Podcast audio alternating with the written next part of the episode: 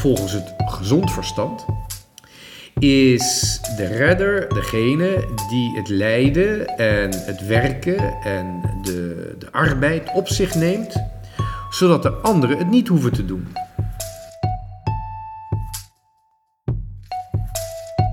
In deze podcast gaat Pater Elias op zoek naar wat echt is.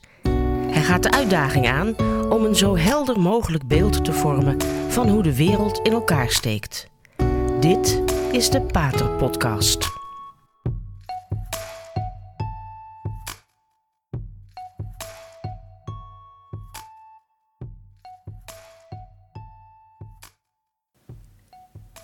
Het is altijd moeilijk om na Pasen, terwijl Christus verrezen is en we dat ook vieren, om ja, toch nog weer op weg te gaan naar Pinksteren. Moeilijk, misschien niet in materieel opzicht. We hoeven niet meer te vasten. We hebben hele mooie lezingen in de kerk. Uh, het, het, wordt weer lente natuurlijk. Meestal is het weer in de, in de paastijd mooier dan in de vaste tijd. Ondanks klimaatverandering is dat nog steeds zo. En op de een of andere manier, toen ik in Frankrijk woonde, woonde was het altijd slecht weer op Goede Vrijdag. En met Pasen brak echte lente door. Zo heb ik dus ook moeilijk niet bedoeld. Moeilijk om je op Pinksteren voor te bereiden, omdat het ineens heel persoonlijk wordt. Eigenlijk is dat feest van de verrijzenis uh, niet alleen een wonder, maar het lijkt ook een beetje onmenselijk. Niet alleen maar bovennatuurlijk, uh, goddelijk, hemels, wonderbaarlijk, maar toch ook wel een beetje mensenvreemd. Waarom? Nou, laten we gewoon het eens op een rijtje zetten. Christus is voor ons gestorven, heeft ons gered, heeft ons verlost, heeft ons verzoend met de Vader en heeft de dood verslagen. Wanneer je in menselijke situaties opkomt voor anderen, dan probeer je natuurlijk ervoor te zorgen dat iedereen deel krijgt aan wat je hebt bereikt en dat anderen er niet voor hoeven te lijden. Bijvoorbeeld in tijden van oorlog. Een soldaat probeert zijn land te bevrijden en hij probeert ervoor te zorgen dat de zwakkeren dat die niet hoeven te lijden, dat die niet hoeven te strijden. Het risico om gewond te raken, dat neemt de brandweerman, de politieman of de soldaat. En zo gauw de strijd gestreden is of de brand geblust, moet het leven weer zo snel mogelijk normaal worden. Dat wil zeggen, in onze menselijke begrippen, volgens het gezond verstand, is de redder degene die het lijden en het werken en de, de arbeid op zich neemt, zodat de anderen het niet hoeven te doen. En zo gauw het werk geklaard is, de vrede is teruggewonnen, de brand geblust, ga je zo snel mogelijk ervoor zorgen dat iedereen daar profijt van heeft, zodat iedereen daar van kan ontvangen, kan delen in de overwinning. Of het nou is op de vijand, die overwinning, of op het vuur, of op een andere ramp. Een verlosser wil alleen zijn in het lijden en de vruchten van zijn lijden verdelen, verdelen onder iedereen. Zoveel mogelijk. Delen met mensen. Met zoveel mogelijk mensen delen. Op de beste manier. Nou, dat is denk ik iedereen duidelijk. Bij Christus lijkt het net andersom. Wij geloven dat Hij verrezen is, maar voorlopig is hij de enige die verrezen is. Oké. Maria is in de hemel opgenomen. En misschien, althans dat zijn bepaalde tradities, zijn Jozef en Johannes dat ook. Zullen we in de hemel, zullen we erachter komen of die tradities kloppen. Maar voorlopig is alleen Jezus en zijn moeder zijn lichamelijk van de dood verlost. Terwijl wij dat nog niet zijn. Sterker nog, niet alleen heeft Jezus zijn overwinning nog niet met ons gedeeld, maar hij heeft ook niet voorkomen dat wij nog moeten lijden, dat wij nog moeten strijden, dat wij nog moeten knokken met het kwaad dat in ons is. Dat wij nog moeten knokken of te lijden hebben onder het kwaad dat in anderen is. Het is bij Jezus precies andersom. Hij is de enige die de overwinning aan het vieren is, lijkt het wel, in de hemel. Oké, heeft zijn moeder ook uitgenodigd, net als bij Cana overigens. Oh nee, Cana was het andersom, geloof ik. Ik geloof dat de moeder van Jezus was... Nou, ik weet niet precies wie daar het eerst was uitgenodigd, maar het lijkt een beetje op de bruiloft van Cana. Jezus en zijn moeder zijn er. Maar voor de rest is er in de hemel nog niemand die de verrijzenis aan het vieren is. Misschien wel, misschien wel de heiligheid, de gelukzaligheid, het zien van God, maar het lichaam is er nog niet bij. Dus Jezus is de enige die de overwinning aan het vieren is, de volledige overwinning. Maar de mens laat die gewoon doorknokken. Wij moeten lijden in ons leven. Wij zullen het kwaad en het duisternis zullen we kennen in ons leven. We worden ermee geconfronteerd. Hoe zit dat nou? Het lijkt wel alsof Jezus als een brandweerman het vuur heeft geblust. Ja, maar toch niet helemaal. Het, is weer, het vuur is weer opgeleid en hij gaat gewoon naar huis en hij zegt: uh, blus de rest van het vuur zelf maar. Wat is er aan de hand? Wat wil God? Wat is hier de bedoeling van? Waarom, als wij verlost zijn, delen we nog niet volledig in die verlossing? Dat antwoord is niet zo moeilijk te geven, maar het zit wel in de lezingen van de kerk. De lezingen die in de Heilige Mis, in de Eucharistie, van deze paastijd worden voorgelezen. We zien namelijk de komende weken, zien we de laatste woorden van Jezus voor zijn lijden. Op weg naar Pinksteren gaan we nog eens goed luisteren naar nou, wat Jezus nou allemaal heeft gezegd in die laatste uren voor zijn lijden. In die hele intense tijd, in die tijd waarin Christus werkelijk het onderste van zijn hart, niet alleen het achterste van zijn tong, maar ook het onderste en het diepste, maar tegelijk ook het hoogste van zijn hart laat zien. Je zou kunnen zeggen, die woorden die Jezus bij het laatste avondmaal heeft gesproken, die we uitgebreid vinden in het Johannesevangelie vanaf hoofdstuk 13 tot en met 17. Jezus heeft het achterste van zijn tong laten zien. Hij heeft het diepste van zijn hart laten zien. En in zekere zin ook het meest verrijkende aspect van zijn blik. Jezus kijkt het verst en het hoogst in die woorden wanneer hij die toespraak houdt.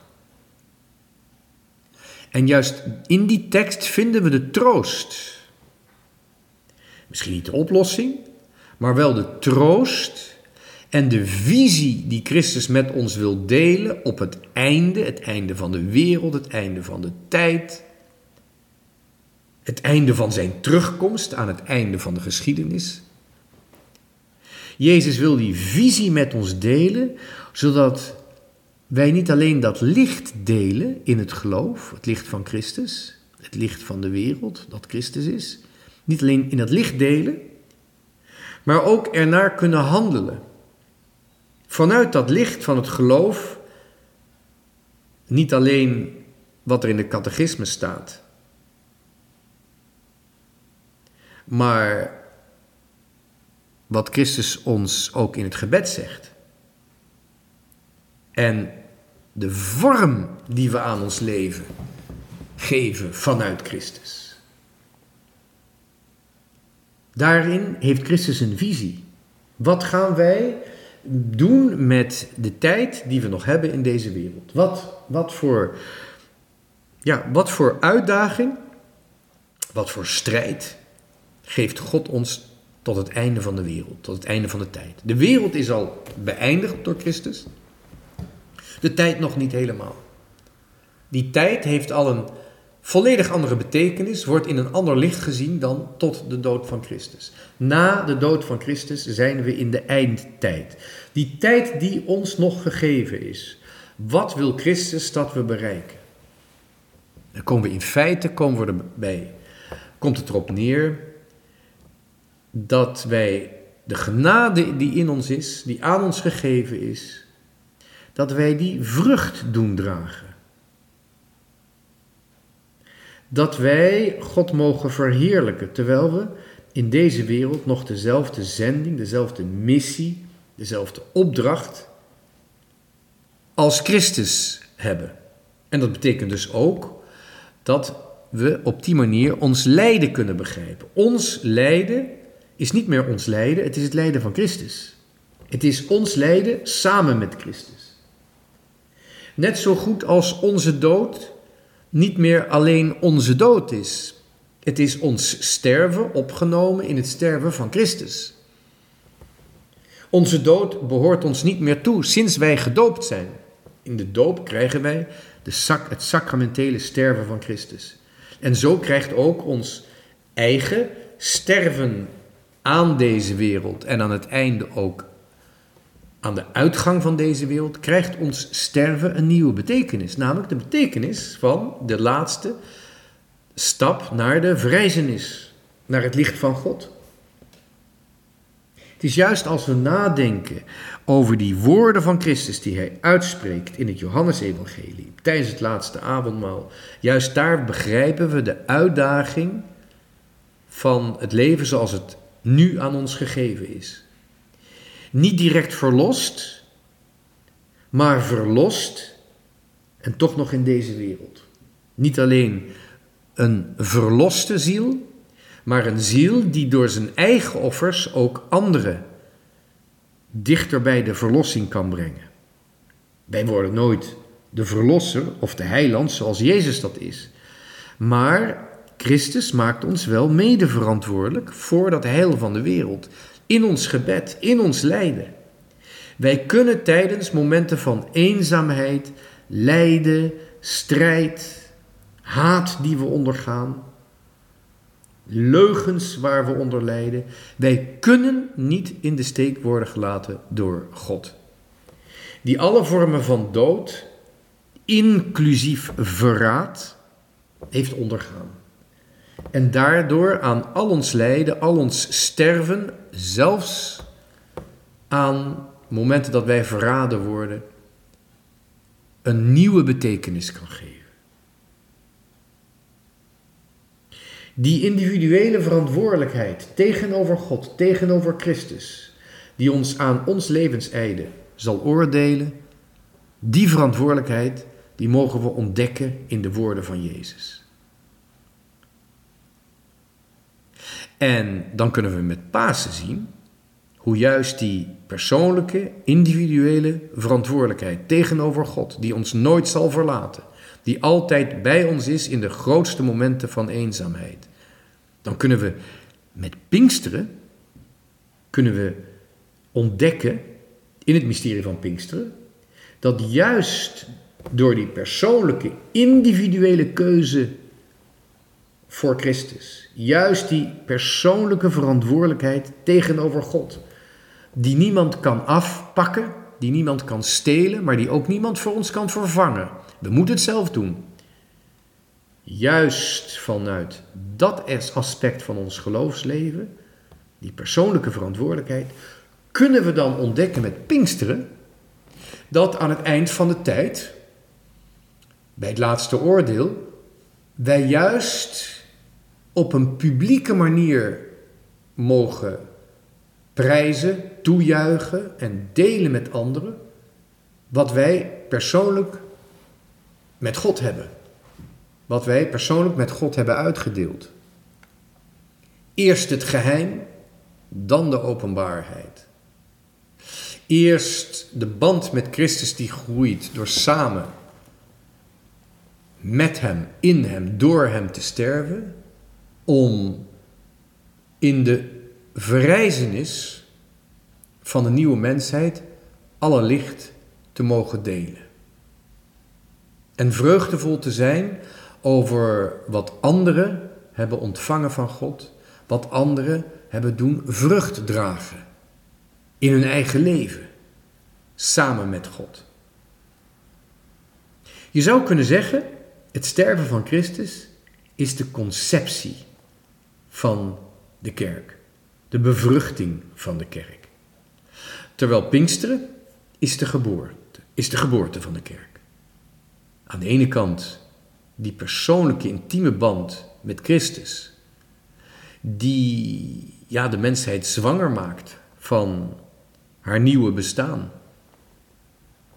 En Pinksteren, de openbaarheid, de geboorte, persoonlijke, intieme geheim van ieder van ons is er om zichtbaar te worden. De intimiteit met God zal nooit verdwijnen, maar er komt toch op het moment van de verrijzenis van iedereen, komt er iets gemeenschappelijks met een eenheid die goddelijk is. Een eenheid die in deze wereld niet mogelijk is. Een eenheid die voortkomt uit die eenvoud van de bron van alle gaven. In de heilige drie-eenheid van God. Waar ieder tegenover Christus op Golgotha zelf een keuze moet maken, kan de vruchtbaarheid van die keuze gedeeld worden met de mensheid als geheel in een eenheid, een vruchtbare eenheid waar we ons nog geen voorstelling van kunnen maken, maar waar het Pinksterfeest wel een getuigenis van is, een profetie van is. Met de woorden van Jezus tijdens het laatste avondmaal kunnen we opgaan naar Pinksteren. Ik wens u toe dat u die woorden met veel liefde en in vrede mag overwegen. Bedankt voor het luisteren.